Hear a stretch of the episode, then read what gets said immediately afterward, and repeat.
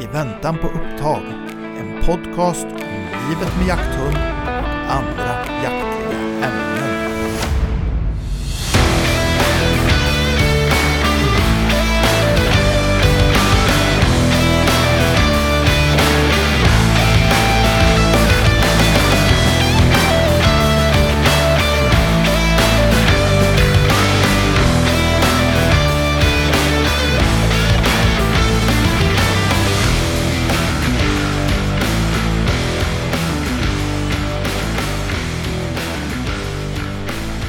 Tjena Daniel. Hallå Marcus! Nu är vi igång igen. Jajamän. Det tuggar på bra här. Ja, Ja. ja, ja. Det är, jag får snart börja ta ut hyra, så, så ofta är du här. ja, ja, ja, ja. Betala, du får börja betala mat och el och sådär. Jajamän. Jo. Men eh, ja, vi får väl ställa hit en säng också. Ja, exakt. Jajamän. Jajamän. Ja. Nej, men det är kul. Vi sitter här nu och ska köta lite till. ja. Eh, ännu ett avsnitt av podcasten. I väntan på upptag. Så var det. Jajamän. Det... Snyggt. Jajamän. Ja. Ja, Vad, eh, vi ska inte göra detta långrandigt det här introt men vi Nej. kanske skulle göra så här att vi kan eh, eh, dels hälsa alla lyssnare välkomna som jajamän. vanligt jajamän. och sen eh, promota våra eh, kanaler eller vad ska vi säga. Dels Instagram, där Jajamän. finns vi ju. Facebook finns vi på nu. Jajamän. Alla i princip poddplattformar inklusive Apple Podcaster. Jajamän. Det har varit lite stökigt. Det har, det har inte riktigt kuggat i där. Men Nej. häromdagen då ploppar den upp. Ja, Så det känns ju jävligt bra. Ja. Ja, så eh, nu kan vi ju säga att vi finns där poddar finns. just det. Vi har blivit riktiga poddare nu Marcus. Jajamän. Hur gick detta till? Jag vet inte. Det, Två vita medelålders män. ja. Ja, nej, det är nej. gött är det. Ja. Så gör gärna så. Eh, lyssnar ni på detta och tycker det är bra eh, eller obra, det så kan det vara också. Jajamän. Lämna en review, ett Ja, betyg ja. in på poddarnas plattformar och skriv något. ja, Då blir vi jätteglada. jajamän. Vare sig det är bra eller dåligt. Jajamän, det är ju upp till Det- er Ja, att tycka och tänka. det, vi, vi är ju ganska så. Vi brukar inte ta åt oss. Nej, jo, Om, om, det inte är bra, Nej, då, ta, då, då tar vi åt oss. Då det- myser vi. Jajamän. Ja, så är det. Ja. Nej, men så är det. Det är kul att höra både ris och ros. Att eh, lämna något ärligt och, och trevligt på, på de här eh, plattformarna så blir vi nöjda. Men- är, det, är det något dåligt så kan vi, har vi chans att förbättra oss. Ja, men så är det ju faktiskt. Helt riktigt. Men du, vi har ju, vi har ju inte bara en eh, gäst med i studion här. Nej. Utan vi har ju ett helt gäng saker. Ja, gäster. Gäster. Vem har vi med oss? Det är... Ja, ska du? Ja, ska jag köra Ja, kör där? du, Ja, kör jag du. kan köra en lite. Men det är ju så här, vi, vi har en, en kvinna med oss i, i podden idag. Som eh, driver en sida som heter klemminghundar.se sedan några år tillbaka. Och eh, hon är till skillnad från oss utbildad. Hon är certifierad hundinstruktör, hundpsykolog, viltspårsinstruktör och egentligen allmänt jäkla kunnig i att träna hundar. Ja, Ehm, hon håller givetvis kurser både online och i fält eh, och säljer eh, olika hundprodukter under varumärket Laban Bags. ja. Det är ingen mindre än Sofia Klemming. Välkommen till podden! Tack så mycket. Ja, kul! Kul! Och det är inte bara Sofia som är här utan Nej. vi har ju som sagt hennes hundar med här också. Du har en i ansiktet nu! Ja, ja, Ja, fick jag... Social rackare! Ja, Ja. men det är trevligt. Ja, jättekul! Ja. Två stycken goa små hundar som är med här i studion och, och, och inspekterar vad vi gör. Ja. Men välkommen Sofia! Roligt Tack. att ha dig här. Ja, Vi ska Kul. surra lite hundar tänkte vi. ja, Det är väl det du kan. ja. Ja, så är det. Men eh, vad heter det? Kan du inte berätta lite om dig själv? Bakgrund Mm. och framförallt varför blev det hundar? Liksom? Lite sånt. ja. Eh, här i studion så är då Laban, nio år, Powderpuff, Chinese Crested och eh, Chakra, både terrier på nio månader. Eh, allt började med Laban. Jag skaffade han eh, när jag bodde i Norge för Norge, sex år sedan. Ja, Han är en eh, omplacering. just Och det var där det startade egentligen. För han hade mycket oönskade beteenden. Som jag inte förstod mig på. Och eh, blev väldigt intresserad av det här och undrade och undrade. Just och det. då efter ett år in med Laban då så började jag utbilda mig till hundinstruktör. Se där. Mm. Så det Så var det var så egentligen hans liksom oönskade beteenden som Mm, kickade igång ditt hundintresse på allvar. Kan man säga. precis. Ja. Ja. Han var Coolt. tre år när jag tog över han. Just det. Och eh, ja, han är en väldigt rädd hund. Så Mm. eh, det är mycket generell rädsla men det var konkret jobbigt med alla hundmöten i stan där jag bodde och eh, även eh, nya människor. Just det. Eh, Känner ja, igen och det där vet och med min sak och vet det är lite så. ja, nya Ja. miljöer. Just Det var det. mycket det det började med. Just det. Och där, där kände du att du lärde dig så pass mycket med, med Laban. Så att Mm. du, du ville kicka igång det här med liksom faktiskt kanske dela med dig av den kunskapen som du fick då. Ja. Typ. Lite så. Ju mer jag lärde mig ju mer nördig blev jag och Ja. ju mer nyfiken och Ja. förstod att wow, Ja. Så mycket grejer Ja, jag inte vet. Och ja, då fortsatte jag utbilda mig till hundpsykolog. Mm. Och sen blev det vildspårsinstruktör. Mm. Och så, ja, ehm, i slutet på hundpsykologutbildningen så startade jag eget företag då och började köra privatträning och lite kurser i Mölndal där jag bodde då. Nu bor jag ju i eh, Spekeröd utanför Ja, Stora Höga. Just det. Ja. Lämnat stan för landet kan man säga. Ja, Typ så. Ja, det ja. passar bättre Ja. mitt företag att bo så. Just det. Precis. Då Ja. håller du kurserna både online Mm. och hemma då egentligen eller? Ja, Ja, det är mycket så. och privatträning och då gör jag antingen hembesök eller så Mm. kommer man till mig själv med sin hund. Ja, Eller videosamtal. Då pratar man. Hon älskar Hon uppmärksamhet. Ja, det är väl helt rätt. En, en terrier är ju en terrier. Så att Ja. säga. Ja. ja, de är för goa. Men det är ganska roligt här nu liksom. Vi sitter här nu och, och eh, Sofia du har ju ingen jakt, vad har vi förstått då, jaktlig erfarenhet alls egentligen va? Nej, nej, Nej, ingenting. Nej. Ingen, ingen anknytning någonstans, ingen liksom, nej, nej. ingenting. Och ändå sitter du med en jakthund. Ja, Det är ju skitkul. ja men Ja. det finns ju en anledning då att de ehm, fungerar som sällskapshundar. Det är ju väldigt många som har dem som sällskap. Mm, Som inte ens håller på med hundträning på det sättet jag gör. precis. Så det måste ju ändå vara någon anledning att det är Just många som har dem som sällskap. Men Ja. det är klart jag ser att det finns mycket jakt i henne. Mm. Men eh, ja, Det är ju eh, precis som du säger. Det är ju mycket motor och Mm. mycket, mycket jakt. Men det är ju också en, en som en, alla jakthundar egentligen på ett eller annat sätt. Men terriers är ju min erfarenhet i alla fall. De är ju väldigt inom citationstecken då, lätta eh, för att de är så mycket will to please. Liksom. De, de vill vara med och de, vill vara, de, har- de har mycket motor och mycket lust. Liksom. mm, Så du kan ju, det är klart man kan ju använda en sån till vad som helst. ja. Egentligen. Typ. Det, det, är, det är väldigt roliga hundar att jobba med. Ja det är det ju. Definitivt. Tycker jag. De är ju direkta liksom. Ja. Det, så är det ju. Det är inte som med Saco som du får sitta och resonera med en kvart innan han fattar att du pratar med honom. ja, nej så är det. Ja, ja, men det är spännande. Då kom du in på detta med hundar just på grund av Laban, Laban. och Mm. hans Hans ja, precis. Det är Ja. hane och det är en tik. Ja. Ja, Eh, hans problemområden då. ja, Det är ju skitkul. Och jag kan ju känna igen mig lite i det med, med Saco om man nu ska dra den parallellen. Det är ju, det är ju han och hans liksom sätt att vara som har även för mig liksom triggat igång ett djupare hundintresse om Mm. jag ska vara ärlig. Mm. Just för att man lär sig så himla mycket av en hund som inte går av sig självt. Mm. Det tycker jag är ganska kul. Ja, och jag menar det, det är ju lite samma för mig med. Jag, Mm. jag började ju med hund. Mm. Jag började ju inte jaga utan mitt jaktintresse kom ju ut efter mitt brinnande hundintresse. Ja, just det. Så att eh, det, hade jag inte skaffat hund så hade jag nog kanske inte jagat Nej. i den.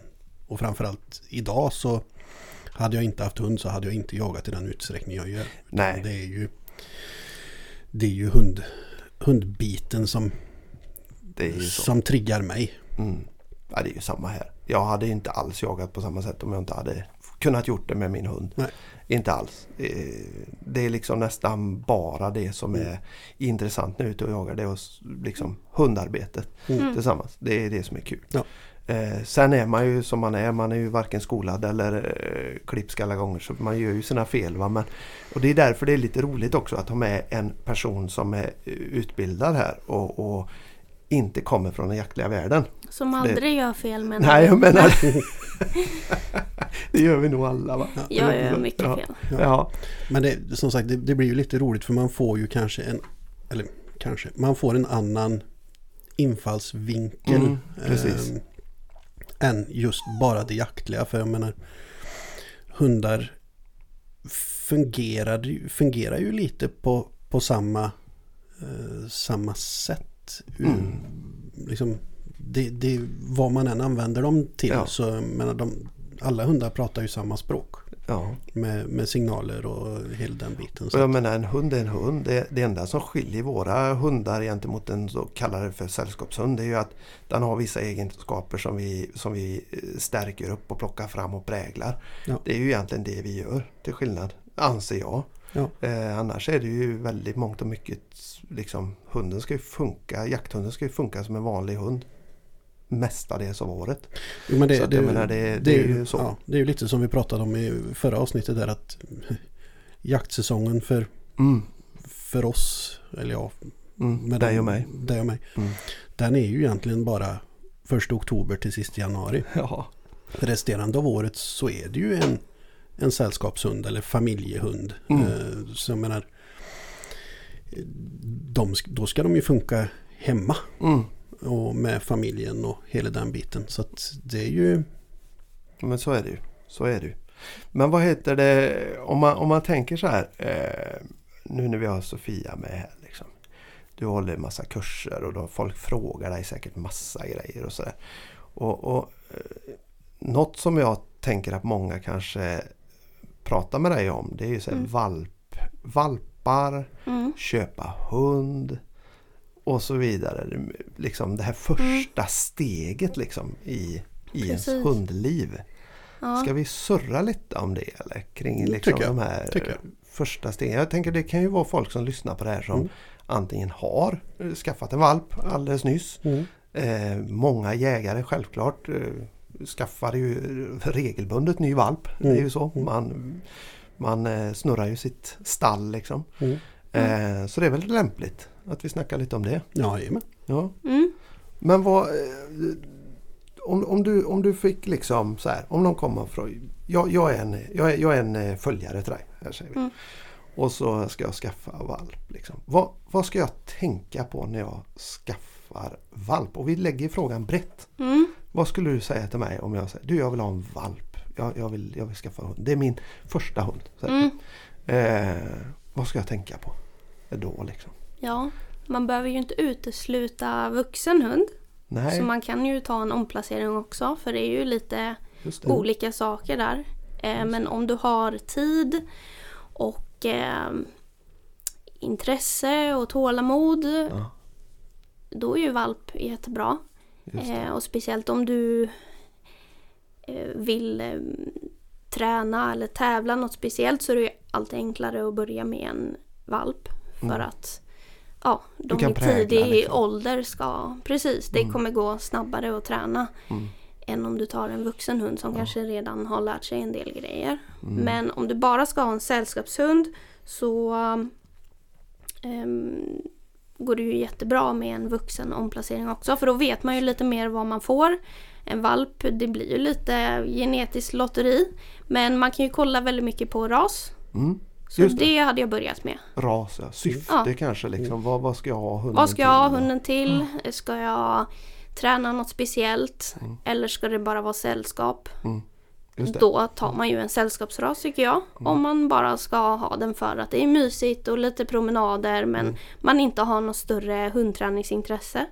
Just det. Och då Ja. finns det givetvis olika raser antar jag Ja. som är mer lämpliga. Mm. Liksom. Typ. Då kollar man på de olika rasgrupperna. Just det. Kan man göra på SKK. Ja, Ja. ja. Och då ska man helst inte välja något helt enkelt med för mycket motor och för mycket arbets... Eh, Mm. egenskaper kanske typ. Eller vad man Nej, ska då säga, kan man liksom. kolla på den Ja. rasgruppen eh, som heter Ja, sällskapshundar. det finns en sån egen. Ja. Ja, ja, ja. Men det är ju perfekt. Jajamän. Det är ju typ då malteser, Ja. mops, Ja. ehm, Just det. Ja. King Charles Cavalier. Ja, Mm. Laban är ju en Chinese Crested. Det är en sällskapsras. Just det. Mm. Är, är han en renrasig hund? Ja, Det är han. mm. Det är han. Ja. Vad, vad sa du? Chinese Crested? Crested Powder Puff. Powder Puff. Ja, Vilket coolt kinesisk namn. Kinesisk nakenhund. Med hår. Med hår. Ja. Eller med päls. Ja, just det. Ja, fräckt. Sen, sen tänker jag ju lite sådär. Det här eh, ja, varp kontra eh, omplacering. Mm. Eh, första tiden hemma. Mm. Den, den blir hyfsat lika.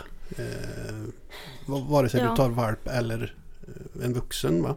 För jag Mm. menar, de behöver ju ändå tid att knyta an till sin, Mm. nya, sin nya tillvaro så att säga. Ja. Man kan väl i alla fall räkna med att första dagen är ju en stress för det. valpen eller den vuxna för allt är nytt. Mm. Så det är inte konstigt ifall hunden är, un- är överstimulerad då. Nej. Och att de har svårt att vila och komma till ro och så. Så att man ska inte känna sig att man har gjort någonting fel eller så. Och för många hundar kan det ta fler dagar innan de liksom kommer i... Ja, innan de landar i, Mm. i, i den nya tillvaron. Mm. Men Ja. eh, som sagt, första tiden är ungefär likvärdig Mm. vare sig du tar en valp eller eh, Ja, beha- behandlar, man behandlar även en, en vuxen hund som, som en valp så att säga. Eller som du skulle gjort om du tar hem en valp. ja kanske inte att man behöver rasta så ofta men... Nej, nej, nej. Det, Upp på nätterna Ja. och ja, nej. skya. Ja, det, Men Ja. just, just det här liksom den sociala biten eh, är väl ungefär samma liksom med Mm. ank- anknytningen liksom. ja, man behöver väl skapa en trygg miljö för oavsett vad man Ja. tar hem. Liksom. Eh, och anknytning och allt det där. Det skulle man ju tro faktiskt. Ja. Eh, det är väl så. Sen om man tar en omplacering så kan man ju som du sa förut, det, så vi, som, som Laban då hade Mm. med sig massa saker eh, Mm. i bagaget. Som man kanske måste jobba med ganska direkt eh, egentligen. Trygghet och, och tillit och allt det där. Liksom att skapa en rätt miljö från start. Liksom. Mm. Ja, i alla kan- fall eh, anpassa så att det Mm. inte blir för svårt varje dag Mm. för dem att hantera. För att då går de bara upp i stress eh, mer och mer och mer Mm. och till slut blir det liksom väldigt ond cirkel. Så Mm. tänka på mycket att undvika och jobba med Mm. eh, management. Alltså att man försöker rigga miljön så att det är hyfsat enkelt för hunden att ta bra val ändå. Just Så man det. kanske inte behöver börja med en träning direkt. Nej. Eh, och man kanske är lite osäker på exakt vad för träningsplan och så. Just det. Men eh, inte vara rädd för att liksom undvika och Ja. Precis. Man måste inte utsätta hunden för Nej. alla möjligheter. Liksom. Nej. Eh, Eller alla möjliga situationer direkt. Nej. Liksom. det ska Nej, det vara klart. kvalitet. Kvalitet ja. Ja. ja just det. Vi pratade ju lite om det faktiskt i förra avsnittet när vi snackade Sacos resursförsvar och Ja. osäkerhet. Ja. Att jag, och det här har jag ju bara gjort på magkänsla, att jag helt Mm. enkelt väljer mina situationer lite. Eh, Mm. Försöker att inte sätta han i situationer som jag vet kan bli jävligt jobbiga. Liksom. Eh, jag menar det är ju ett sätt att undvika problem. Jo men så är det ju. Det, Typ kan man säga. Ja. Och det gäller väl kanske även både valpar och omplaceringar och allt möjligt. Att man Mm. är lite schysst så. Ja. Kanske. Jag sätter ner den i Ja, gör buren här det. bara. Ja, jajamän. Chakra. Klippa bort det här Nej, det är ingen fara. Vi, det här, sånt här gillar vi i våran podd. Det är hur bra som helst. Det är klart, en nio månader eh, border terrier. mm. Det, det, det är full fart. Ja, hon måste kolla läget lite först. Eh, Ja. bara snabba kickar. Ja. Det är inte som med våran terrier då. Vi har ju en Staffe som sällskapshund. Eh, De första fem sex åren så kollade hon läget i två, tre timmar innan hon var nöjd. Mm. ja, hon, hon hade ett extremt påslag. Men det är väl bra valp. Jag här, tänka lite på, på eh, vad syftet är helt enkelt när man skaffar sig en valp. Mm. Eh, vad man vill ha den till. Eh, Ja. och, och sen eh, hem och, och skapa lite lugn och bra miljö. Ja. Sen är det väl en sak man, man eh, som nybliven valpägare alltid ska inse att det är jäkligt mycket jobb. Är det inte det? Jo, Typ. Ja. ja, speciellt om man är själv. Ja. Mm. ja. Så det är bra att få avlastning ibland om Mm. du har valp och eh, hjälp. Mm. Ja, Det är mycket det är, liksom, mycket, eh, det är ju babysitting ja. ja, fram till ja, när du kan börja lämna dem Ja, själva liksom. Det är rumsrenhet och det är allt möjligt. De tuggar på saker och de är massa som händer liksom första Ja. tiden såklart. Så det, det är ju det, ha tiden för det.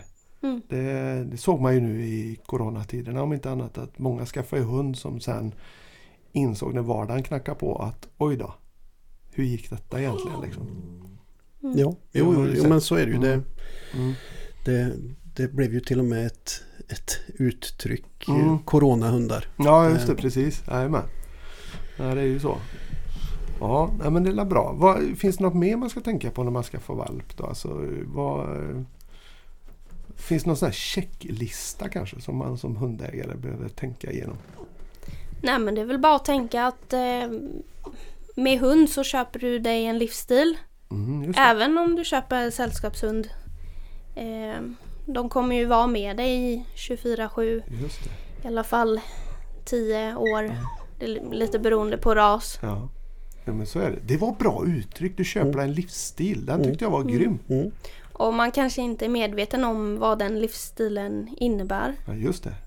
Eh, Utan man lär sig allt eftersom och vissa pallar det och andra känner att livet var bättre utan hund kanske. Mm. Mm, Men eh, precis.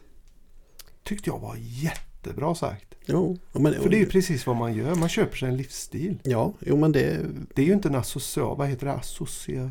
Assos, vet. accessoar. Ah, så, så heter det. ja du ser. Ja. Det, är- det är ju inte det. Det är ju inte en eh, ny handväska man köper. Nej, utan nej. det är ju faktiskt en, en livsstil, ett nytt sätt att leva lite grann. Ja. Eh, det är bra. För att det, det är ju ändå, tycker jag, i, i respekt mot hunden så får man nog nästan ha lite den inställningen. Mm. Och framförallt så är det ju en, en familjemedlem du plockar hem. Det, Mm. Ja, det är det ju. det, som sagt så det, det blir ju en livsstil. Mm. Och eh, en liten speciell livsstil egentligen är det ju för det det, det, det tenderar ju ibland att ta över vardagen. Liksom. Du får ju du får ju en helt annan prioriteringsordning Ja, det, ja, ja, ja. Visst. Med, med livet med, med hund. Ja. Det, Ja, det är precis bara det här att liksom åka bort till folk, åka på semester. Alla de här grejerna blir en helt annan sak när man har hund än innan. Liksom. mm, Eh, helt klart. Så det finns ju en hel del saker man behöver tänka på innan man skaffar en valp. Då. Även, även livsstilsmässigt. Då. Eh, helt klart. Ja, det är bra.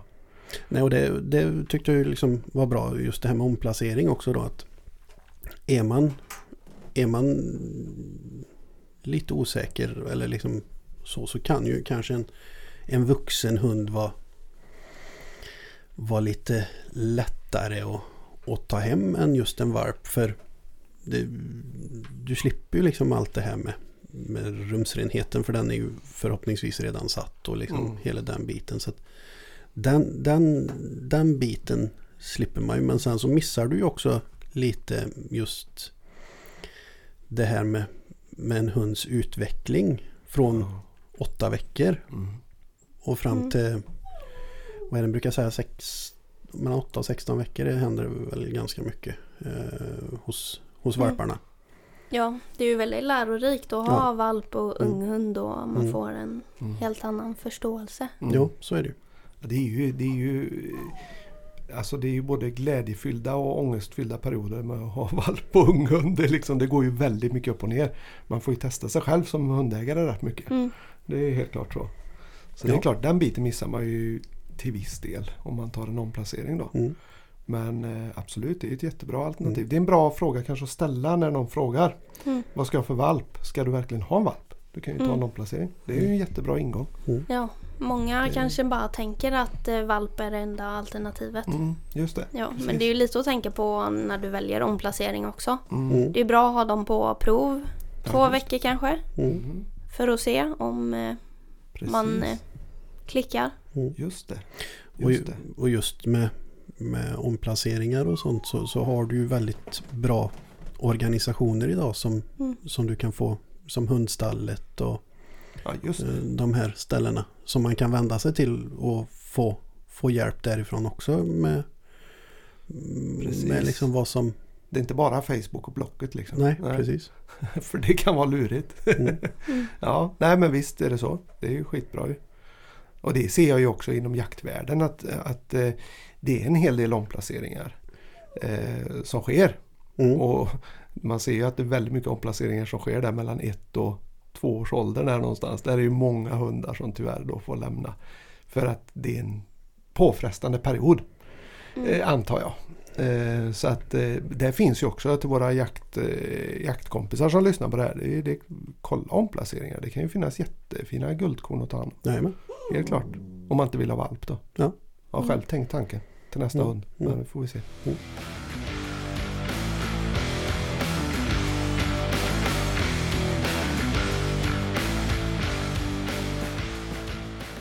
Vad, hur tänker man? Vi- säger vi har tagit hem våran valp nu liksom och vi har gett den en vecka säger vi och göra lite, säger, lite hemmastad och sådär. Liksom.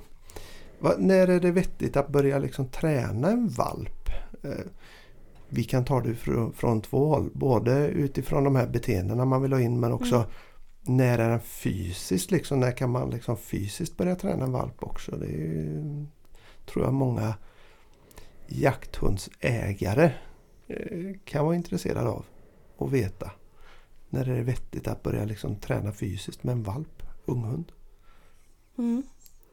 Jag tycker ju alltså nästan från dag eh, två, tre, Det är så, fyra. ja. Ja. Ja. Alltså, du kan ju bara göra enkla saker med deras mat varje Mm, dag. Att de till exempel får, eh, om de äter färskfoder nu då, på en lickemät och så får de äta den in i duschen medans eh, kranen står på. Eller Ja, okej. alltså att man gör sådana saker.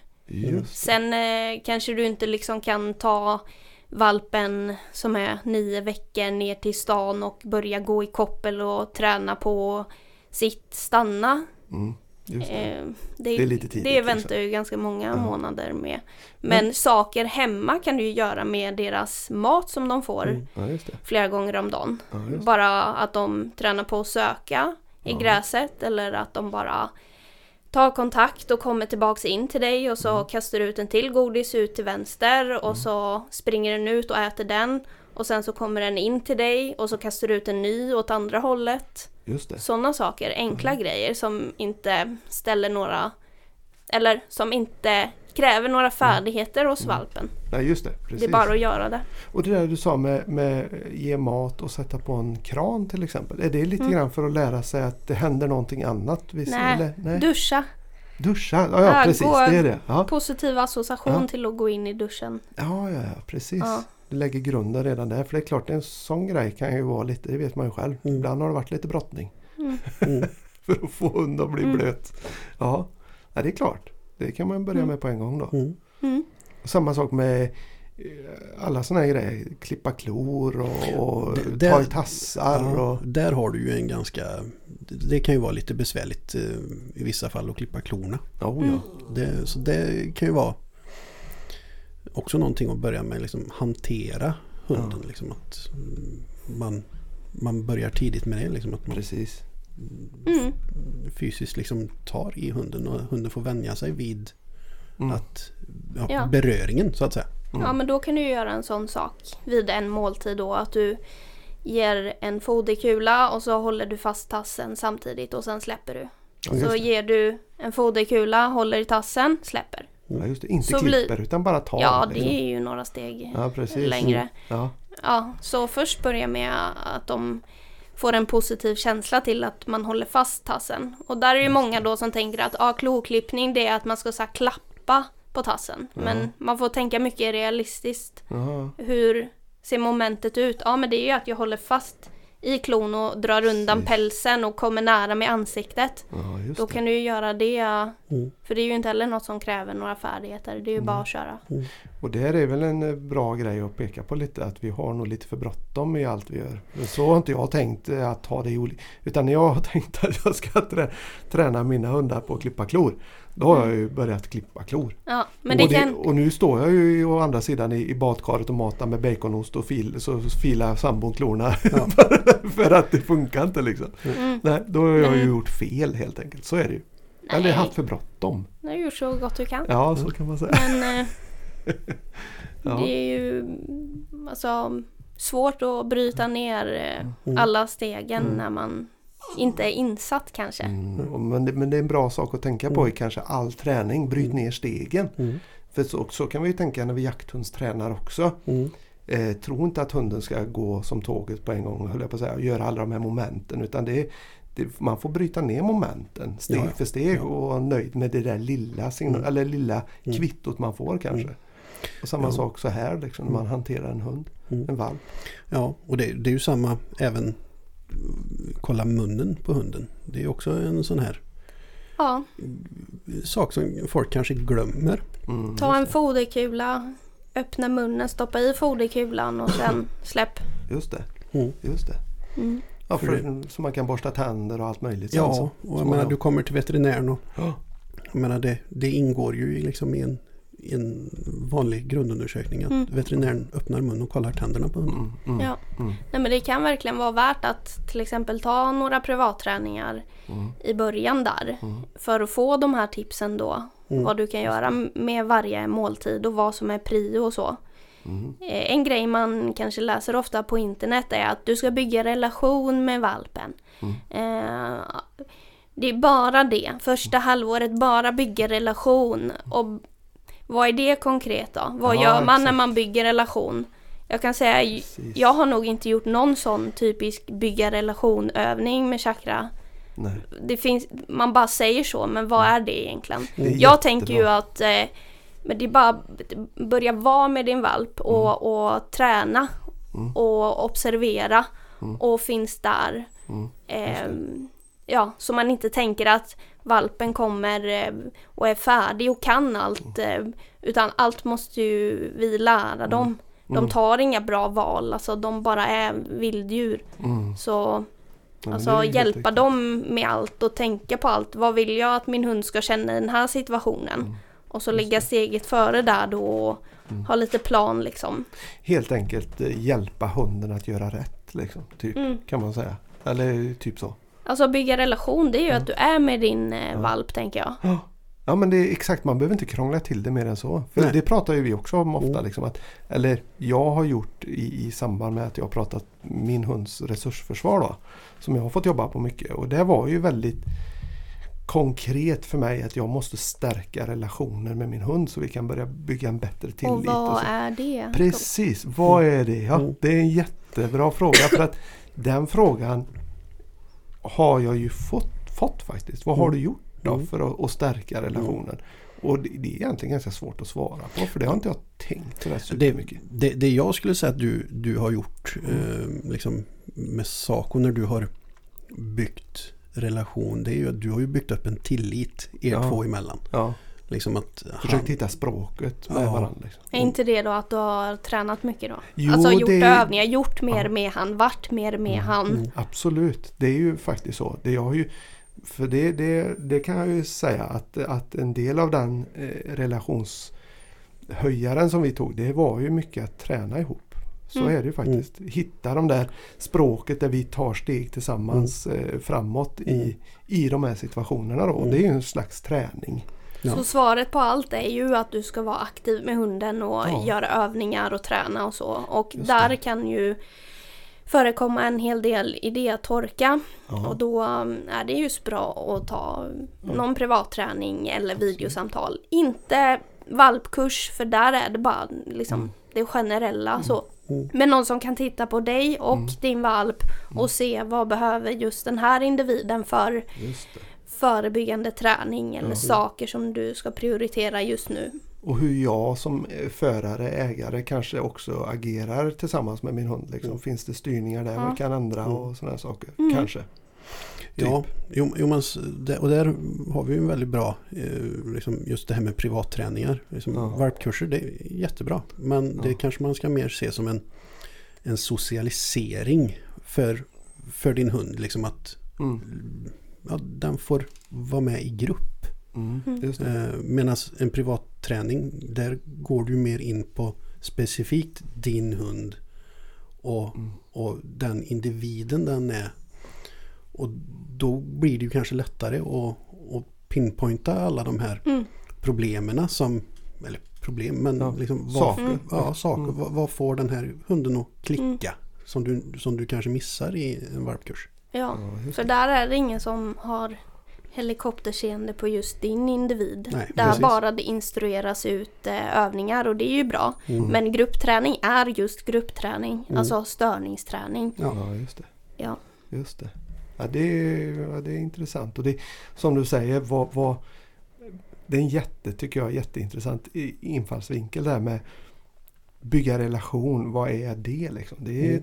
tål att tänkas på. Mm. Och det är som du säger, göra saker med sin hund som man utvecklas eh, tillsammans framåt. Liksom. Det stärker ju en relation. Mm. Det bygger ju relation. Jag har lekt mycket med Mm. Saco. Mm. Eh, jag vet inte, lek, eh, det, det, det borde vara relationsbyggande också. Liksom. Alltså Ja. att man eh, busar. Mm. Jag har försökt att lära Saco att hantera sina käftar, du vet Mm. bita och greja och Ja. ta ben. Och, Det där är ju väldigt positivt för just eh, att förebygga resursförsvaret då. ja, okej. Att ja, ni delar lite på ett föremål. Just det. Ehm, Men lek, det är ju väldigt positivt för att det får ju hunden att ha en väldigt bra känsla ihop med dig. Mm, Hunden har kul, den släpper på spänningar. just det. Ja men lite som när vi är med någon bästa vän och skrattar och Mm. slappnar av. Och, Just det. och sen också är det ju en fokusövning att leka. Mm, Så okej. den tränar ju också på att vara engage i en uppgift tillsammans med dig. Just det. Just det. Men också leken är ju mycket av det här som finns i våra hundraser som jaktdriften och Mm. föremålsintresse och att bita och Mm. att kampa. Så det. det, är ju precis. något de älskar och det är rätt kravlöst. Eh, Men sen får man allt bygga in lite regler också så Ja. att det funkar och liksom belöna med lek. För det är ju väldigt bra Precis. sätt att belöna på. Det fick jag höra när vi skaffade Staffen Mm. Från folk. Det, det, hon är ju 12 nu som sagt och eh, när vi skaffade henne så var fortfarande den rasen rätt så kontroversiell. Kamphunden liksom. Sådär? Mm. Ja. Och folk, hur vågar du skaffa en sån hund när du har barn? Liksom. Så, vi hade fått våran yngsta då.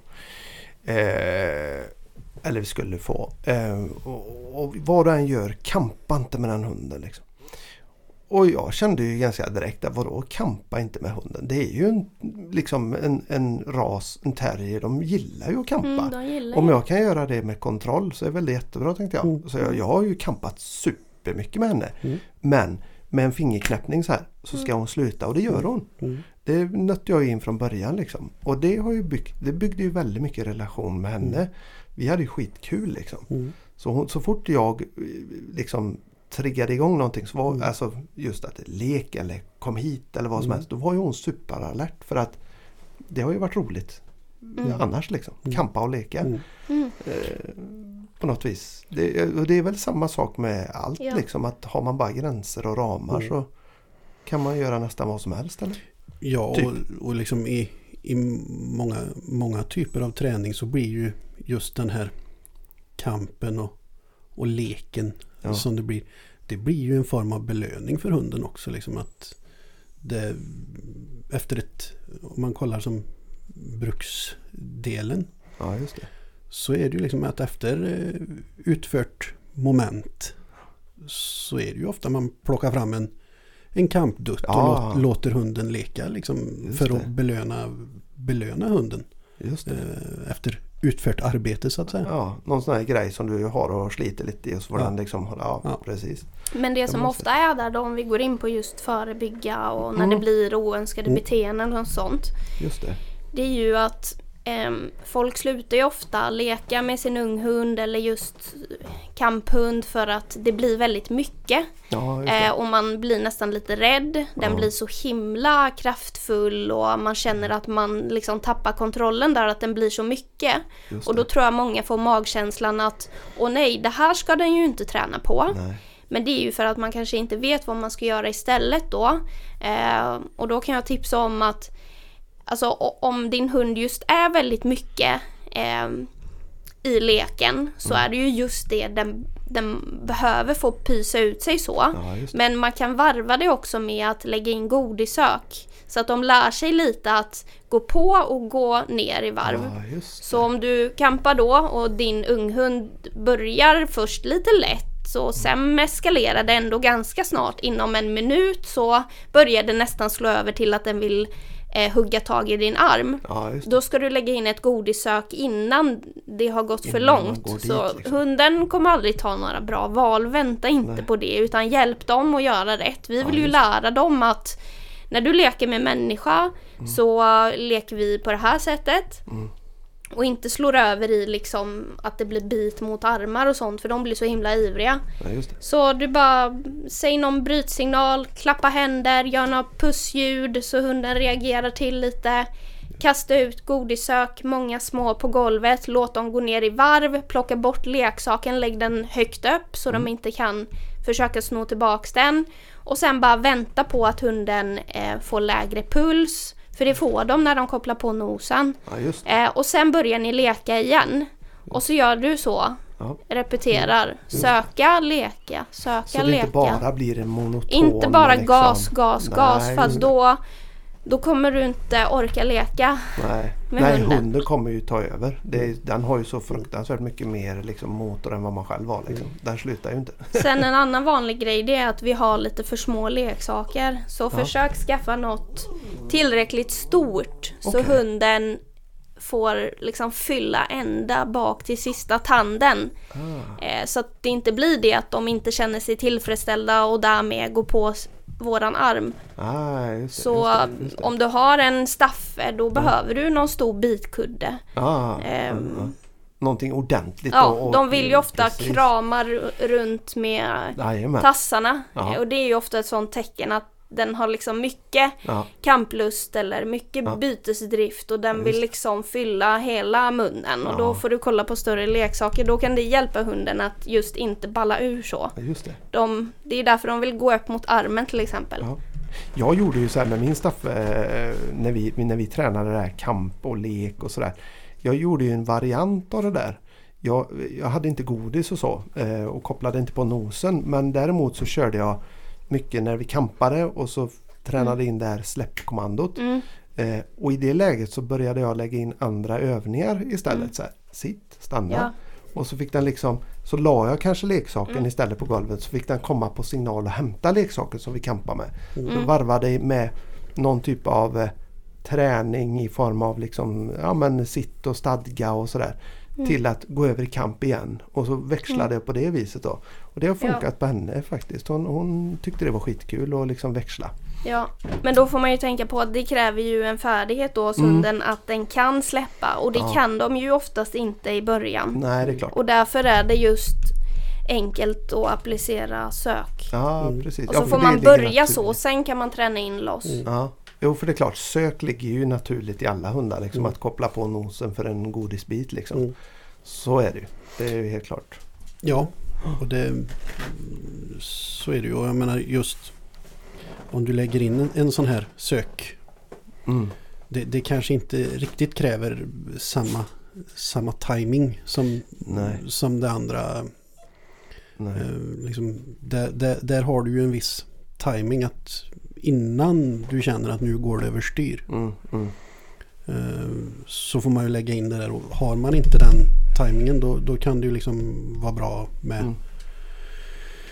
Ja, ja, med, med ett sånt godissök. Liksom att nu, nu känner jag att det går överstyr bra. Då slänger vi ut lite godis Ja, och så. ja. ja men helt riktigt. För att knyta samman detta lite. Mm. Vi pratar ju i, i jag, jag har ju haft, eh, för, för att göra en liten eh, lång story eh, short. Mm. Jag har ju haft min, mina bekymmer eller mina mina utmaningar med Saco. Ja. Det har vi ju pratat om och i förra Mm. avsnittet så pratade vi just om hur jag hade jobbat med res- hans resursförsvar. Jag fick ju, jag fick ju liksom ta det i eh, när han redan hade ett resursförsvar. Mm. Och det har ju varit en jävla resa om man nu får säga så helt enkelt. Det, det har varit tufft alltså. Det, vi, vi, bara för att förklara för dig Sofia, så första djuret vi sköt för honom. Det Mm. tog mig en halvtimme att bara kunna koppla honom på första djuret. Jag som ägare. Mm. Eh, och, och så har jag berättat lite grann om hur jag jobbade där då. Och jag, har ju, jag har ju jobbat mycket med att liksom försöka bygga upp honom i det här istället. Mm. Att inte, inte gå in och dominera eh, ner honom utan bygga upp honom för att jag tolkar det som att han var osäker. Mm. Eh, och det har faktiskt gett resultat men det har ju varit en lång resa. Och den är inte över på långa vägar. Han har fortfarande ett resursförsvar vid skjutet vilt Mm. till exempel. Då. Men om man säger det, för det här är ju ändå en jaktpodd på något vis. Va? Eh, och så pratar vi hundar här och alla hundar oavsett ras och syfte och sådär kan ju ha ett resursförsvar. Ja. Om vi skulle förebygga ett resursförsvar, hur skulle Mm. vi kunna tänka då? För att det är mycket lättare att förebygga på ett Mm. sätt än att ta i det när det väl är där. Mm. Men då kan jag ställa frågan tillbaka Mm. då. När märkte du att han hade de här tendenserna? Kunde du se Mm. någonting när han var valp till exempel? Ja, med, med facit i hand och sådär så skulle jag nog kunna påstå att jag såg det redan som ganska liten valp. Kanske inte direkt i början för då var jag nog inte uppmärksam själv. Men det kom ganska tidigt i ungdomsåldern kan vi väl Mm. säga då. Och vad Säg, gjorde han då? Han, framförallt det som vi börjar märka på. Mat har aldrig varit något problem för där hade jag en väldigt tydlig rutin från början. Eh, med mat och sådär så det har funkat. Men med ben och leksaker. Mm.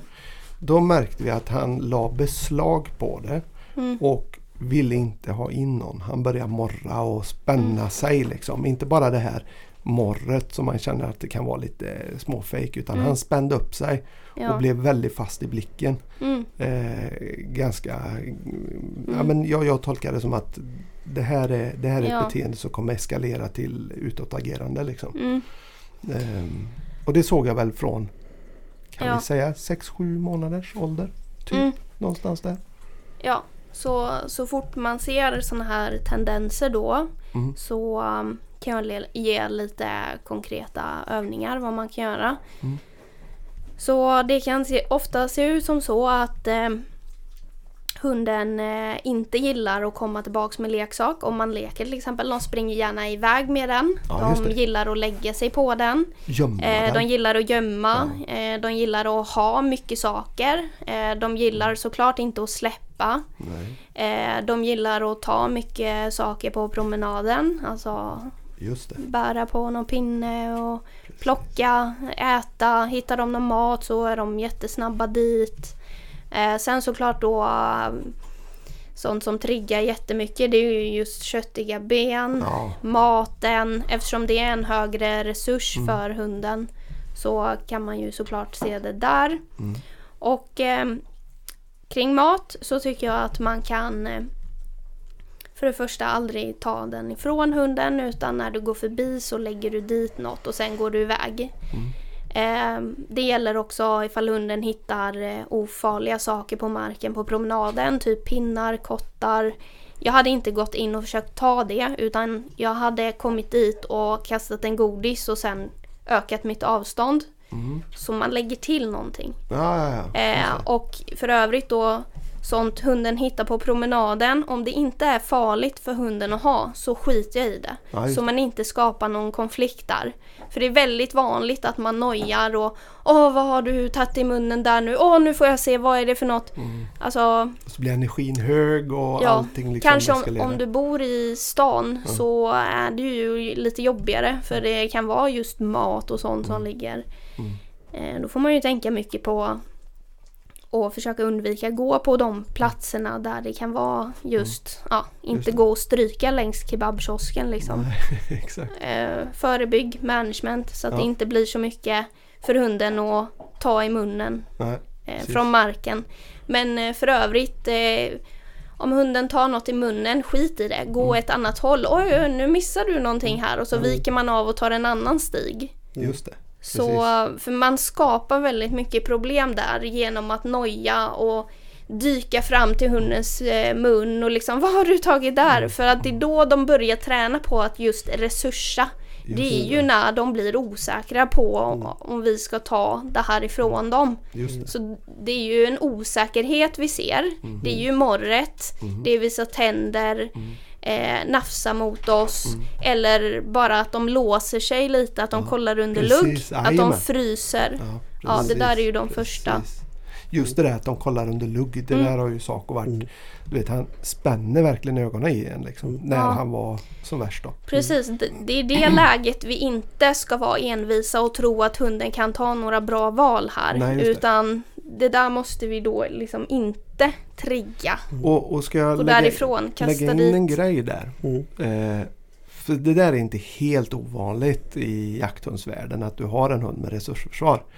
Och eh, det är inte helt ovanligt heller att man rekommenderar att gå in och helt enkelt dominera bort det här i, i ett sånt Mm. läge. Vad säger du om det? Liksom, att dominera ner det? Ja. Liksom? Vad är det man gör konkret när man kommer in och dominerar? Är det att man hotar hunden om att jag vill också ha det du har? Just det. Vad kommer det bli för resultat då? Mm. Nästa gång du kommer fram?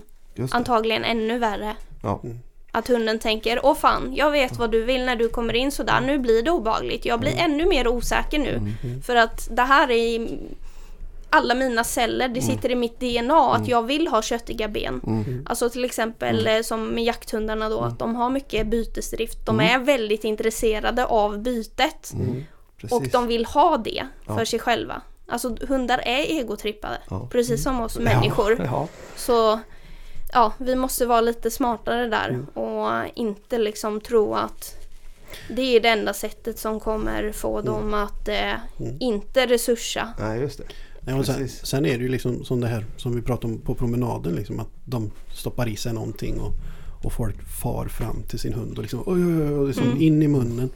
Ja, Det, där blir det ju liksom... det där blir ju inlärt alltså. Ja, och, och framförallt så blir det ju liksom ett, ett hot för hunden. För du Ja. kommer ju oftast och du böjer dig över hunden och Mm. liksom det, det, Man tänker kanske inte på det liksom själv men det blir ju ett sätt att dominera hunden. För Mm. Du kommer och gör dig stor och lutar dig över hunden så det blir ju ett Mm. hot för hunden. visst. Så att det är också som kan spä på det här med dels, dels osäkerheten Mm. och sen så även liksom resursen. Liksom att du talar ju Mm. omedvetet om för hunden att det du har i mun det ska jag ha. Ja, ja, ja. Nej, Ja. men, eh, och det, det såg ju jag ganska tidigt. För jag ska, jag ska inte vara sån. Det är klart Mm. att jag till en början försökte ta Saco då. Mm. Eh, på ett eller annat sätt fysiskt och, och korrigera honom. Liksom, försöka Mm. korrigera. Och det funkar ju inte. Han blir ju bara galnare och galnare. Ja och men det är lätt att tänka så. ja, ja, Eh, precis. men hundar är lite dumma. Mm. Det är inte som att vi kan prata till en annan människa att Nej. sluta göra det för jag blir ledsen när du gör så. Och så Precis. fattar man det. Ja. Utan man får tänka på ett annat sätt här. Ja. Ja men exakt och det, det, det är så vanligt tycker jag lätt framförallt i jaktliga sammanhang då. Nu kanske jag sticker ut hakan här men, men man hör det lite allt för ofta att det, det handlar bara om att visa hunden sin plats. Det där Mm. ska han inte göra om igen. Eh, och så försöker man eh, och, och det är klart det kan funka utifrån Mm. att man gör hunden rädd i den situationen kanske. Mot, eh, alltså att, att jag framkallar någon slags rädsla och, och så pass stor så att hunden Mm. faktiskt viker sig. Men då har du inte hjälpt hunden någonting och du har egentligen inte löst någonting. Tycker jag.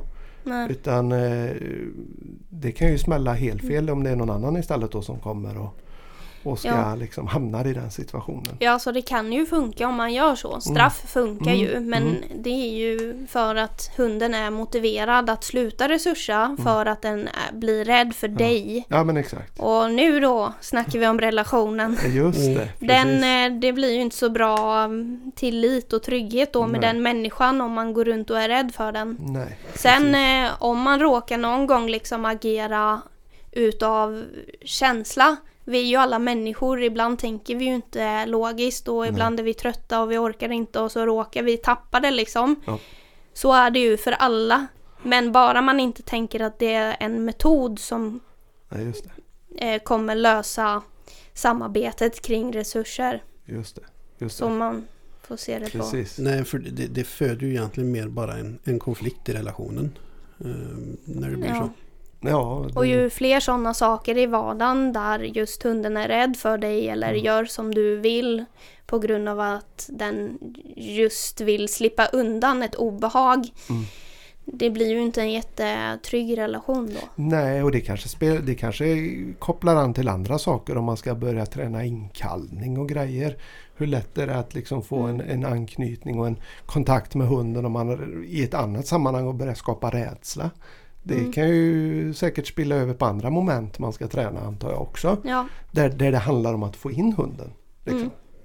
Hej Chaka! Vi har en border terrier nu som Ja. säger att hon vill bajsa. Ja, ja, ska vi pausa så hon får Eh, bajsa? Så det här är bra att man tänker att eh, hjälpa hunden här nu för Ja. nu kan inte hon ta något bra val här. Nu, nu visar hon tydligt vad hon vill. Ja, men då tar vi en paus och Då så tar får du paus, eh, lösa det.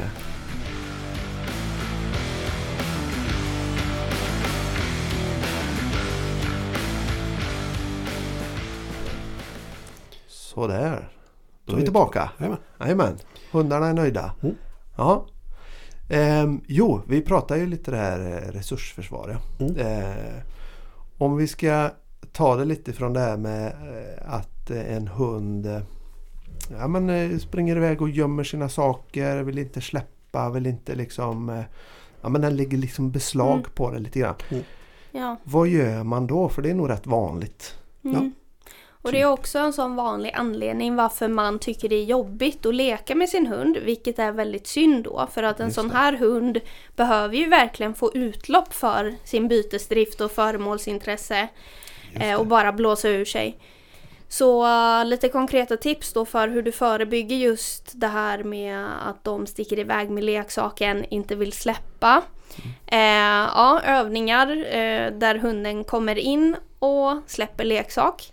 Eh, om ni har hört talas om handtarget. Nej, ingen aning. Eh, det är när man sticker ut Mm. en hand så här, en liten vink ut i vädret. Mm. Eh, och så lär man att hunden ska in och nosdutta på Jaha. handen. Ja, det har jag Så gjort belönar jättemycket. man. Det är en belöning alltså? Du sätter eh, belöningssignal när hunden sätter nosen mot handen, kommer fram till din hand. Just Så ger du godis där, belöningsplacerar på handen. Och sen så börjar du testa det här när hunden har något ganska tråkigt i munnen.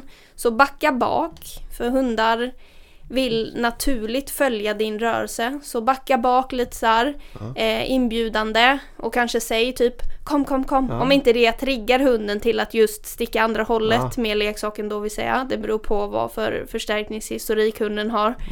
Men eh, så fort hunden går emot dig, sätt ut den här handen som ni har tränat på tidigare att hunden ska sätta nosen mot att få godis. Eh, och det kan ju då framkalla att hunden kommer in och släpper leksaken i din hand för att den har förväntan på att få belöning för det. Just det. Och funkar inte det här så betyder det att du måste träna mer på handtarget vid sidan Ah. om innan du kan applicera det här in i kedjan. Men bara det att eh, backa bakåt när din hund har saker i munnen är ju också väldigt bra. Ja, det blir ingen hot liksom. Nej, motsatsen är ju då att du går emot hunden och jagar. Då får du ju det här beteendet att de springer andra hållet. Just Så du vill ju liksom röra dig bort från hunden. Det Mm. kan göra att hunden blir nyfiken på att komma mot dig. Och det är ju första steget mot att de ska komma in med leksak. Mm, just det. Eh, Just och det. gärna då om du har någon roligare leksak då kan du visa den lite grann när du backar bak. För det kan ju också motivera att hunden vill komma in och kanske ha det du har istället och då ger du hunden det. Och Mm. då har du ju faktiskt belönat att den har släppt en leksak och kommit in mot dig och tar en annan leksak då. just det. Det är ju jätteintressant. Det där har jag gjort utan att veta alls vad jag har gjort. Jag har ju gjort jättemycket det här dutta nosen i näven med Staffen. Hon tycker ju det är skitkul. Mm. Ja. Det fanns ett begrepp alltså. ja men det är ju jättesmart. Och just det här att backa bak som du säger. Mm. Den är ju superviktig. Eh, vi har ju en annan känd hundtränare som vi ofta eh, refererar till. Som pratar det här med fart emot Mm. och fart ifrån. Så att Mm. säga, va? Eh, Om vad, det betyder egentligen. Mm. Och det är klart att har du en hund då Ja. som du ska få, få bukt på med resursförsvar. Då Mm. är det klart, fart emot är ju inte bra. Ja. Det blir ju, det blir ju väldigt hotande liksom. Det är klart. Mm. Och Nej. väldigt många raser går igång på att kontrollera rörelse. Mm, mm. Så äh, försök vara lite mer aktiv och röra dig och röra dig bort från hunden i mycket träning snarare än det. att du är väldigt passiv. Just det. Mycket Eh. kroppsspråk som, som är mycket annat eh, faktiskt kanske. Ja. Men sen kan man också jobba med att lära in loss vid sidan av som en Mm. annan övning då. Så gör klassisk betingning på ett ord som du vill Mm. ha för ditt släppande. Till exempel tack, Mm. loss. Mm. Och ju mer unika signaler, Mm. kommandon vi har, ju bättre lyssnar ju hunden. Så det är därför vi hundtränare håller på och skriker och ja, Ja, ja. i början är man kanske inte så bekväm med det Nej, men det är ju av en anledning varför man gör Ja, det och det är ju för att det funkar. Så äh, ha till exempel tack! Mm. Och så kastar du en godis till hunden. Mm. Eh, bara börja så, så att du gör klassisk betingning att Mm. tack är lika med godis. Mm. Och sen provar du säga tack när du leker med din hund med en leksak. Och så håll eh, leksaken stilla, dra in den mot benet, gör den så tråkig som möjligt, gör den så platt som möjligt, gör den så liten som möjligt så att det blir väldigt oattraktivt för hunden att fortsätta kampa. Mm. Och prova då, säg ditt ord tack som du har förstärkt. Just det. Eh, då får man göra det kanske en vecka, att man bara när man står i köket och hackar morot så helt plötsligt så skriker du tack och så skjuter du ner en matbit. Ah, Så ja. hunden får en massa, massa repetitioner på att det här ordet är lika med oh! För Ja, då blir det muskelminne och då blir de, får de förväntan och då helt plötsligt öppnar de munnen och tänker jaha nu ska jag äta. Ah, Och då släpper de leksaken. Ah, ja, ja, Och direkt när hunden släpper leksaken då belönar vi igen med leksaken. Så då går den igång. Fokus, liksom. Du skiftar lite Hunden fokus. släpper, den får mer lek. Just Hunden släpper, den får mer lek. Ja. Ibland hunden släpper, den får en eh, godisbit som har mycket högre värde än leksaken. Den är också bra. Ah, just det, just det, just det. Just det. Ja. Just det. Så du bygger Ja. massa förväntan på släppandet och det här är alltså det bästa tipset mot att förebygga resursförsvar med. För att om de har tillit att kunna släppa resurser till oss Ja, ja. så förstår du ju hur relationen Ja. blir. ja men exakt. Ja, men exakt. Och det, det, det är helt logiskt. Det är det som är så jävla kul med hundar på många sätt. Att det är väldigt logiskt när man väl liksom fattar grejen. Mm. Ja. Det är klart. Ja, det är, ja, men det är bra tips ju. Men man kan Det- inte tänka på allt. Nej. Så därför man ska ju inte vara rädd för att bara få lite input och Nej. få lite nya idéer och... För just det här med resursförsvar är ju faktiskt en hel del som När jag har pratat om Sacos resursförsvar så är det många som har både frågat mig och jag har gjort Mm. och liksom eh, bekräftar att de också har lite bekymmer med det. Så det verkar väldigt vanligt liksom. Mm. Och svårt att hantera för många vad det verkar. Så där kan man ju Ja. om inte annat ta en eh, lektion eller ta en, eh, ja, eh, helt enkelt boka upp sig Ja. på en liten kurs och, och eller vad man kallar det för. Ja. Privatlektion. Privatlektion. Jag tror nog det vanligaste man gör när man inte vet vad man kan göra istället Ja. Det är att man går in alldeles för mycket med känslor. För det känns bra för oss människor att säga till hunden. Att fråga hunden om den kan släppa nu då snälla. Kom då så får du det här. Men det skapar ju bara ännu mer osäkerhet när vi hela tiden håller på och frågar hunden och lockar och för att då fattar ju hunden också att vi är inte säkra på vad vi håller på med. Och det blir, ja. Och så börjar man oftast med det här i ett skarpt läge. Ja. Och så slutar det alltid med att man tappade då. Ja. Och sen helt plötsligt upptäcker man att det funkade ju. Men Mm. varför funkade det? Mm. Ja men då, det. det är ju då för att hunden blir för rädd för dig. Mm. Och så slutar de att resursa. Och det är ju en sak jag kan koppla till mig själv också. Att man oftast börjar eh, sin träning om man säger så i fel fel fas eller fel situation. I fel Där Det, läge. ja, fel läge, ja, där det redan är för Ja. Skarpt om man säger. Mm. Och då är det ju som gjort för att misslyckas egentligen. Och det här är ju någonting som jag får säga ofta på privatträning och sånt att försök att separera skarpt läge Mm. mot träning. Just det. Så träning, då övar du inför de här skarpa lägena. Eh, och inte börja träna din hund i Nej. Mitt i hettan eller Nej. mitt i det svåraste hundmötet. För där sker Precis. liksom ingen inlärning utan då får man mer bara öka avstånd eller hantera och brandsläcka så i vart fall hunden inte övar ännu mer på det här oönskade vi inte vill ha. Mm. Så det Precis. måste jag säga ofta att man får tänka på att göra en hel del setups eller arrangerade träningspass som man kallar det. Där hunden då får färdigheter som den kan ta med sig in i den här riktiga situationen sen. Ja, det. Det blir ju Precis. muskelminne på de här grejerna. Det blir mönster och eh, ja, vi bygger ju färdigheter precis som vi gör när vi går till gymmet och tränar våra muskler. Så blir du även stark att kunna liksom lyfta ut eh, buren till chakra här nu. Mm. Ja, ja, ja, jo men så är det ju. Så är det ju. Mm. Ja, det är bra. Så det är bra tips. Precis, repetitioner och så kontrollerade situationer, träningssituationer. Så man inte tar det i fel läge eh, helt enkelt. Men du, vi tänkte vi ska köra som en avslutning på det här. Tre lite snabba grejer som jag har pekat ut eller som vi har pekat ut ihop. Eh, som vi tycker är viktiga i jakthundssammanhang. Mm. Och som eh, kanske kan gälla generellt eh, alla hundar. Men om vi tar hundmöten, tre snabba här. Mm. Vad är det viktigaste att tänka på för mig när jag ska få en hund som är bra i hundmöten? Det kan vara i koppel och det kan vara löst. Mm. Ja. Ehm, Så um, förebygga när du inte har något oönskat beteende i situationen. Eller att träna bort ett oönskat beteende. Två olika sätt. träningsplaner ju.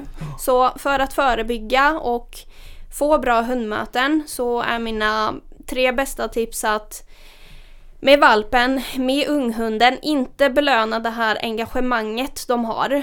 Eh, så det är en väldigt vanlig grej att de tittar väldigt mycket på den mötande hunden eh, och det kan leda till att kopplet blir spänt. Mm. Eh, och eh, det kan leda till att de blir lite spända och att ni vet mottryck ger ju liksom att de vill ännu mer fram.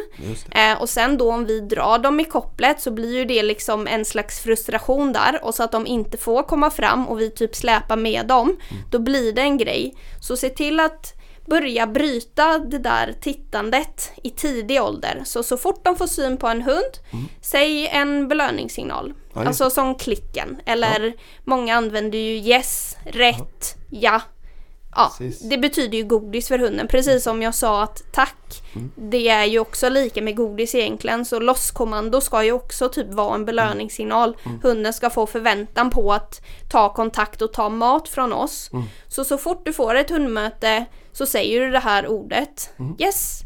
Och det gör ju att hunden bryter. Och då blir de snabbare på att bryta och inte agera på impuls. Ja, just det. Eh, Så det betyder ju då att nummer två, du inte ska släppa fram din hund i hundmöte. Nej, just det. Precis. För då belönar du ju just vad då?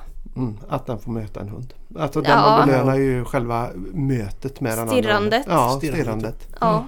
Engagemang leder till att jag får komma fram. Mm. Och speciellt om de drar i kopplet mot hunden och vi släpper fram på det beteendet så kommer ju det öka. Ja. Och sen helt plötsligt de mötena där de inte får gå fram, då blir ju det en jättefrustration för att de brukar ju få gå fram när de drar. Varför får jag inte gå fram nu?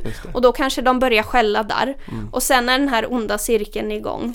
Så det är jättesvårt med hundmöten för att det är så mycket hundar nu. Och vi bor så, alltså skokartongsområden.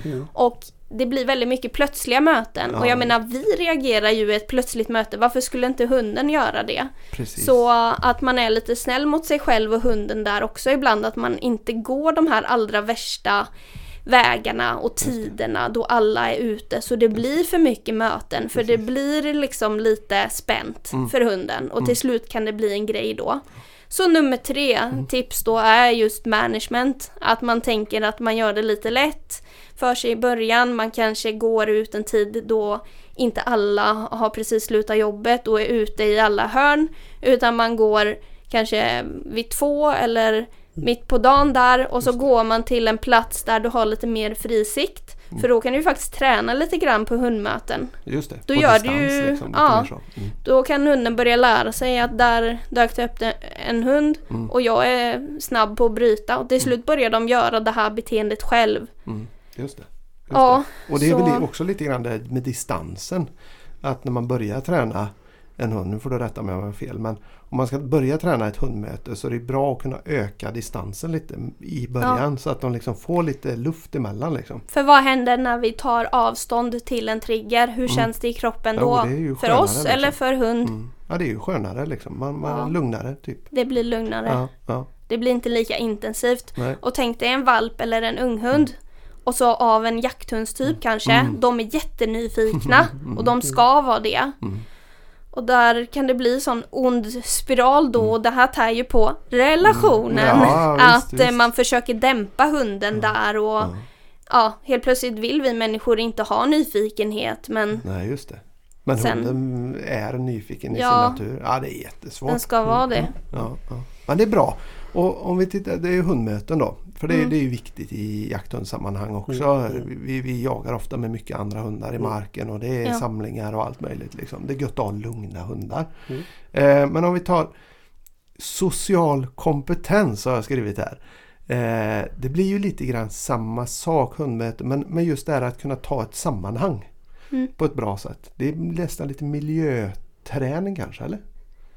Du tänker att eh, En man... hund ska eh, liksom kunna ta ett, ett, ett nytt sammanhang eh, med eh, nya människor, det kan vara nya hundar, det kan Mm. vara massa olika nya situationer. Liksom. Eh, Mm. Social kompetens typ.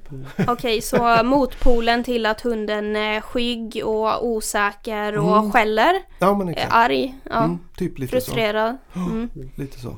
Eh, ja, nummer ett då. Eh, får kolla lite vad har man för hund. Mm. Är den blyg eller är den väldigt eh, framåt? Som ni såg när jag kom in här, jag har en av varje. Jag har en hund som är väldigt reserverad och är före detta liksom människoaggressiv som har skällt ut människor och till och med morrat bitit mot och ifall de går över hans gräns. Mm. Så eh, har du en blyg hund men den har inte blivit eh, frustrerad, arg eh, så tycker jag att man ska uppmuntra det att hunden är blyg. Okej. Det är okej, det är så Ja. den är liksom. Mm, Att man inte ska försöka ändra det till att nu, nu ska du vara en social hund. Eh, för att man tänker kanske inte på det att många hundar är lite reserverade, lite eh, människoskygga, Mm. eh, behöver tid på sig. Eh, de kan också bara vara lite osäkert lagda eller ja, blyga, att de inte riktigt vill gå fram direkt.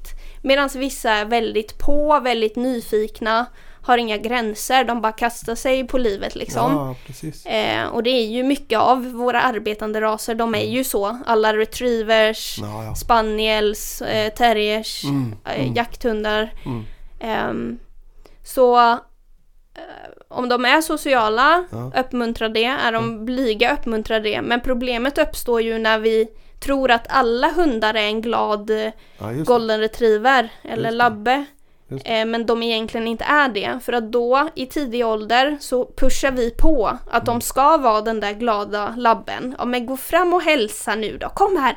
Var inte rädd nu! Och så är det en social press. Mm. Och det gör ju att det går så snabbt, de känner det här är obehagligt, Mm. du pressar mig, nya människor, eh, det blir för mycket. Och till slut börjar de då med lite större bokstäver visa det här. Och det är det vi människor inte vill ha. Och det är Mm. Det vi inte gillar.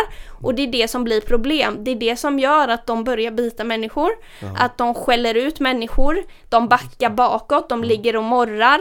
Eh, och då blir det jobbigt. Det är ganska intressant faktiskt. Det är en jäkligt bra Det kan börja i detta. i för tidig att, eh, ålder där, när vi just pushar på för snabbt Ja, ja, och ja. försöker få dem till något som de inte är. Lär känna din hund återigen lite Mm. grann kanske. Alltså, det, är, det är nog sant som du säger. Vi kanske vill pusha in dem i... Vi drar liknelsen, den bara slog mig nu. Mm. Du har en hund som du tänker att det här ska den bli. Den ska Mm. jaga vildsvin säger vi. Mm. Eh, och så pushar du den här hunden till det för att du vill det så himla mycket. Men den har inte riktigt det i sig. Mm. För det krävs rätt mycket till exempel att jaga Mm. vildsvin. Mm. Eh, och så får du helt fel liksom, eh, ja, resultat tillbaka. Liksom. För att du har inte läst din hund tillräckligt bra.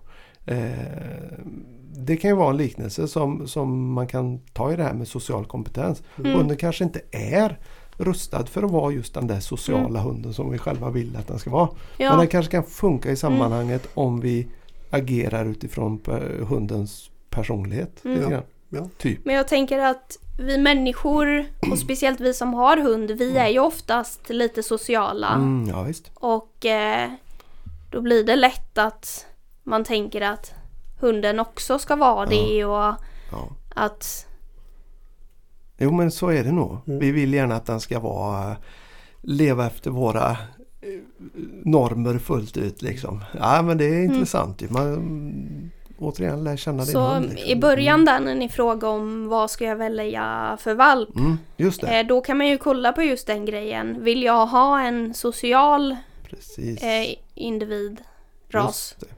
Eller Självständig, egen. Det kanske man Mm. kan säga självständig men, men man kan ju se tendenser kanske. Ja. Ja. och jag tycker ju egentligen så här. Mm. Jag har aldrig träffat någon människa som har behov av en reserverad ras. Nej. Det är snarare tvärtom. I vår värld passar det bättre in att hunden är social. Mm. Det är bättre för dem att leva i vår värld och ha med sig de Mm. Ja. generna. Ja, jag håller med fullständigt. Så jag tycker i alla dagar i veckan, alltså välj en ras som är social. Ja, Mm. ja. Välj inte en reserverad om du inte Nej. är helt liksom enstöring. Sen såklart, de kan ju funka med med rätt träning och ni ser ju Laban här att Ja, ja. han har ju förstått idag att eh, jag kommer inte bli pressad längre i de här Nej. situationerna. Nej. Men det är ju alltid lite jobbigt för han att vara med när det är nya människor. Mm. Han är inte helt avslappnad här nu men han Nej. vet i alla fall att jag är säker på min sak, att jag kan ligga i min bädd och att jag är trygg där. Mm. Men ni såg när jag gick iväg här, då börjar ju han ta Ja. skydd. Mm. Ja. Eh, han ställer sig under borden och sånt. Ja. Och det uppmuntrar jag. Det är bra att han gör det. För det jag hade innan var ju att han eh, stod och morra, han skällde. Ah, Eh, de här okej. grejerna. Just det. Ja, du har lagt ner ribban där att det här är good enough. Nu gör han någonting bra liksom. Mm. eh, I förhållande till hur det var innan. Det, är- ja men visst, Ja. absolut. Men tillbaks till din fråga då, hur socialiserar vi, hur miljötränar vi? Mm. För att det ska funka så tänker jag att man ska hela tiden tänka på de här orden. När du tar med din hund då. Vad har min hund för känsla? Mm. Vad vill du den ska ha för känsla? Såklart vill vi alla att den ska vara avslappnad, glad, trygg. Det är ju ingen som vill att känslan ska vara att den är stressad och osäker. Nej, nej, nej. Men tänk verkligen på det. Mm. Vad har min hund, hund för känsla här nu? Det är faktiskt det som blir inlärt. Ja, Och då får man ändra på situationen om man ser att det här blev för svårt, det blev lite för mycket människor och det var för trångt. Mm, mm, mm. Eh, för att ändra känslan då och därmed ändra vad som blir inlärt och vad som kommer till att bli hundens framtida emotionella respons i det det. här mönstret. Eh, så behöver vi liksom göra något enklare. Ja. Så börja då om du har en liten blyg hund, om den ska socialiseras och miljötränas så kan du göra så att du inte släpper fram den till alla. Att Just folk inte hälsar på den här hunden. Uppmuntra att den sitter kvar vid din sida på lite avstånd och sitter och tittar. Mm, mm. Eh, och sen då för att öka på den avslappnade känslan så kan du ge den lickemät eller tuggben eller eh, snuffelmatta. Mm, mm. Så att man kopplar på nos eller tunga vilket Just gör det. ju då att det blir oxytocin, pulsen går ner och där blir det ju då att du lägger positiv förstärkning på Hela det situationen. här liksom. sammanhanget. Ja, just det. Just det, just det. Ja, Mm. men det är visst känsla. Och har du, har du en väldigt eh, nyfiken hund som eh, är på, då hade jag faktiskt låtit den eh, få vara det. Men att den har eh, en färdighet redan innan du tar in den i de här situationerna som gör att den kan avbryta och komma till dig. För annars så tränar den ju just på att när det är människor, när det är andra hundar så är det bara det. Min människa finns inte längre. Eh, för den har aldrig tränat på att bryta eh, det sociala. Precis. Vilket gör att sociala hundar kan väldigt lätt varva upp och det kan faktiskt övergå till att de nafsar mycket. Ja, de blir Som ni fysiska. såg när Chakra kom in, att hon blir väldigt mycket. Ja. eh, om jag inte bryter henne. Ja, just det. Så jag brukar ju alltid... och Mm. leker. Ja, jag gör ju en brytsignal då Ja, när ja. jag ser att nu börjar hon varva upp Mm, lite mm, för mm, mycket. mm. Nu är det dags för henne att bryta så hon inte tränar på att bli för hoppig Nej, och precis. för nafsig mot Precis. ansikte. Så social hund, ha en brytsignal så att du kan kalla tillbaks dem för då kommer du alltid kunna bryta hunden om du ser att nu är känslan inte bra. Nej. Den är ju bra men de, de blir så himla glada och det blir så himla mycket att det till slut kan slå över då till Mm. lite stress. Ja, just det. Att- Precis. Och det kan också leda till att då blir sociala sammanhang en stress. Mm, mm, Eller frustration eller Alltså nafs kan ju komma av att de är mm. för Ja, att de mycket. blir, det, det slår över ja, liksom. och är de ja. stora hundar så kan det ju Ja, bli... det är inte roligt. Ja. Det kan bli tufft. Och det beteendet vill vi ju inte ha. Nej, nej. Så att nu vet ni vad ni ska göra. Ja, jajamän. Ja. Ja. Och, och motsatsen till det här då. Eller en, en, eh, något som jag tycker är superviktigt eh, med alla hundar egentligen. Det är att man ska kunna ha en hund som är lite on-off. Eh, on-off-knapp. Och Mm. antar att det har med passivitet att göra. Hur Ja. tränar man eller jobbar med passi- passivitet? Så att Ja. du kan få en hund att verkligen slappna av. Mm, Liksom. Stänga av. ja. Liksom.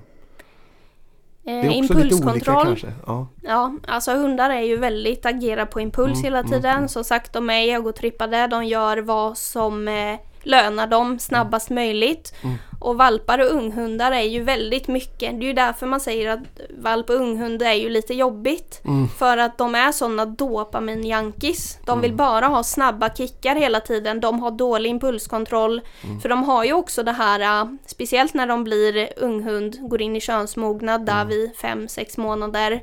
Så har de ju konstant stresspåslag också Mm. av alla hormoner som rusar. Vilket gör att det blir ännu svårare då att vara passiv och speciellt då i nya situationer där Ja. det är så mycket som stimulerar deras arbetsbehov till exempel. Om det är mycket saker som rör sig. Ni vet, har du en Mm. border collie så vill de kontrollera all rörelse. Eh, så det blir svårt för dem att vara passiv då. Ja. Men jag tänker att eh, för att det inte ska bli för mycket nya övningar här nu, jag har ju köttat på mycket. Men det här jag sa med att leka och söka. ja, det. Det är en bra grej för där lär de sig att eh, varva upp och varva ner. Ja, att de det. kan ta det valet. Att de eh, går från eh, hög energinivå till låg Mm, aktivitetsnivå. Mm, det. Så kombinera mycket sådana övningar där ni först drar upp hunden i stress och sen drar ner i stress. Så till exempel gå fot, snurra Mm. eller typ eh, hoppa agility-hinder och sen går man till att träna att hunden ska söka godis.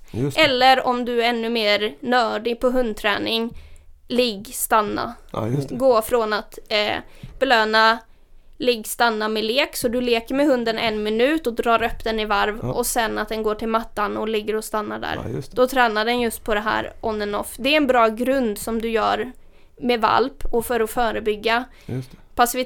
Passivitetsträning är ju egentligen bara, för mig i alla fall, det kan säkert vara an- eh, olika för alla, men för mig är det ju ligg, stanna bara. Ja, just det. Precis. Aktivt passiv. Mm, mm. Sen snackar vi om att chilla, kunna liksom gå runt och göra varierat avslappnat beteende. Det är något annat för mig och det Mm. Ja, tränar jag på ett annat sätt. Ja. En passivitetsträning för mig är att de får en aktivt passiv uppgift. Mm. Sitt, stanna eller ligg, Ja, stanna. det. ja, men det är exakt det är så jag tänker lite också. Ja. Att, att hunden ska kunna liksom ja, men, eh, trä- tränas till att faktiskt ligga på sin plats och, och ta det lugnt. Mm. Liksom. Eh, och som du sa förut, det tyckte jag var intressant, att när man kopplar på nosen så går pulsen ner. Sa du inte det? Mm. Det har jag aldrig tänkt på förut, Mm. men det kan man ju faktiskt använda ju. Mm. Mm. Liksom, för att, att varva ner hunden. Ja. Och just att de nosen. går ner i backen Ja, och söker. För att när de är uppe och kontrollerar Ja. omgivningen så är det ju väldigt mycket som Mm. Och då plockar de in alla andra sinnen mer också kanske. Exakt. Än när de plockar ner i Ja. nosen i backen. Mm. Ungefär som en jakthund eh, som jobbar i vind. Mm. Den har ju ögon och, och öron med sig mycket mer än en, en spårnoga hund som jobbar i backen. Ja. Den kan ju mer eller mindre springa in i ett trä. utan märka det liksom. Nej men skämt åsido. Men det, det är bra. Mm. Men hörni, Ja. vi har surrat på bra här alltså. Ja, börjar Fan vad intressant det är med, med någon som liksom kan det här på ett utbildat sätt. Mm. Eh, vilket vi inte är. Vi, vi killgissar mest Ja. hela tiden. Ja. Men eh, jätteroligt att snacka det här. Mm. Eh, och nu kom vi nästan inte knappt hälften emot vad jag hade tänkt. Men det är ju så. Vi, vi fastnar och vi tycker det är skitkul liksom. Mm. Nörda ner oss lite. Men eh, ska vi runda av här Marcus? Ja, jag tror det. ja. det Och vi vill ju såklart tacka Sofia Ja. supermycket för att hon har kommit hit och snackat jajamän, med oss. det var, Utifrån något helt annat perspektiv. Ja, än vad det vi var, det var utbildande. Ja, intressant Mm. och matnyttigt. Ja. Hoppas lyssnarna har fått med sig eh, lite tips och råd och tankar. Mm. Det var skitbra. Ja. Och som sagt, eh, vill ni ta kontakt med Sofia så finns ju du på klemminghundar.se Ja, eller Instagram, eller Instagram. TikTok, Ja, Youtube. Youtube. Mm. Ja, du finns ju Mm. lite överallt. Det är bara att söka på Sofia Klemming Mm. egentligen. Så hittar man dig. Ja, Ja. Ja. Superbra. Så, Tack så mycket Sofia. tack, så tack mycket. själv. Ja, kul. och vi säger som vi brukar. Ja, Vi hörs. vi hörs. Och så ska vi se till att ut och jaga så in i helvete till nästa gång. Ska vi det förresten? Har vi något? Eh, jag jobbar i helgen så Ja, fan. jo, men vi har nog säkert något vi kan klamma in. ja, ja. Och Du, med- du ska ju låna min hund. Ja, just det. Det, det får jag nog nästan göra faktiskt. Ja. Men hörni, skitjakt på er om ni går ut i alla fall. Ja, ha det gött. Hej Hej. svejs, hej hej.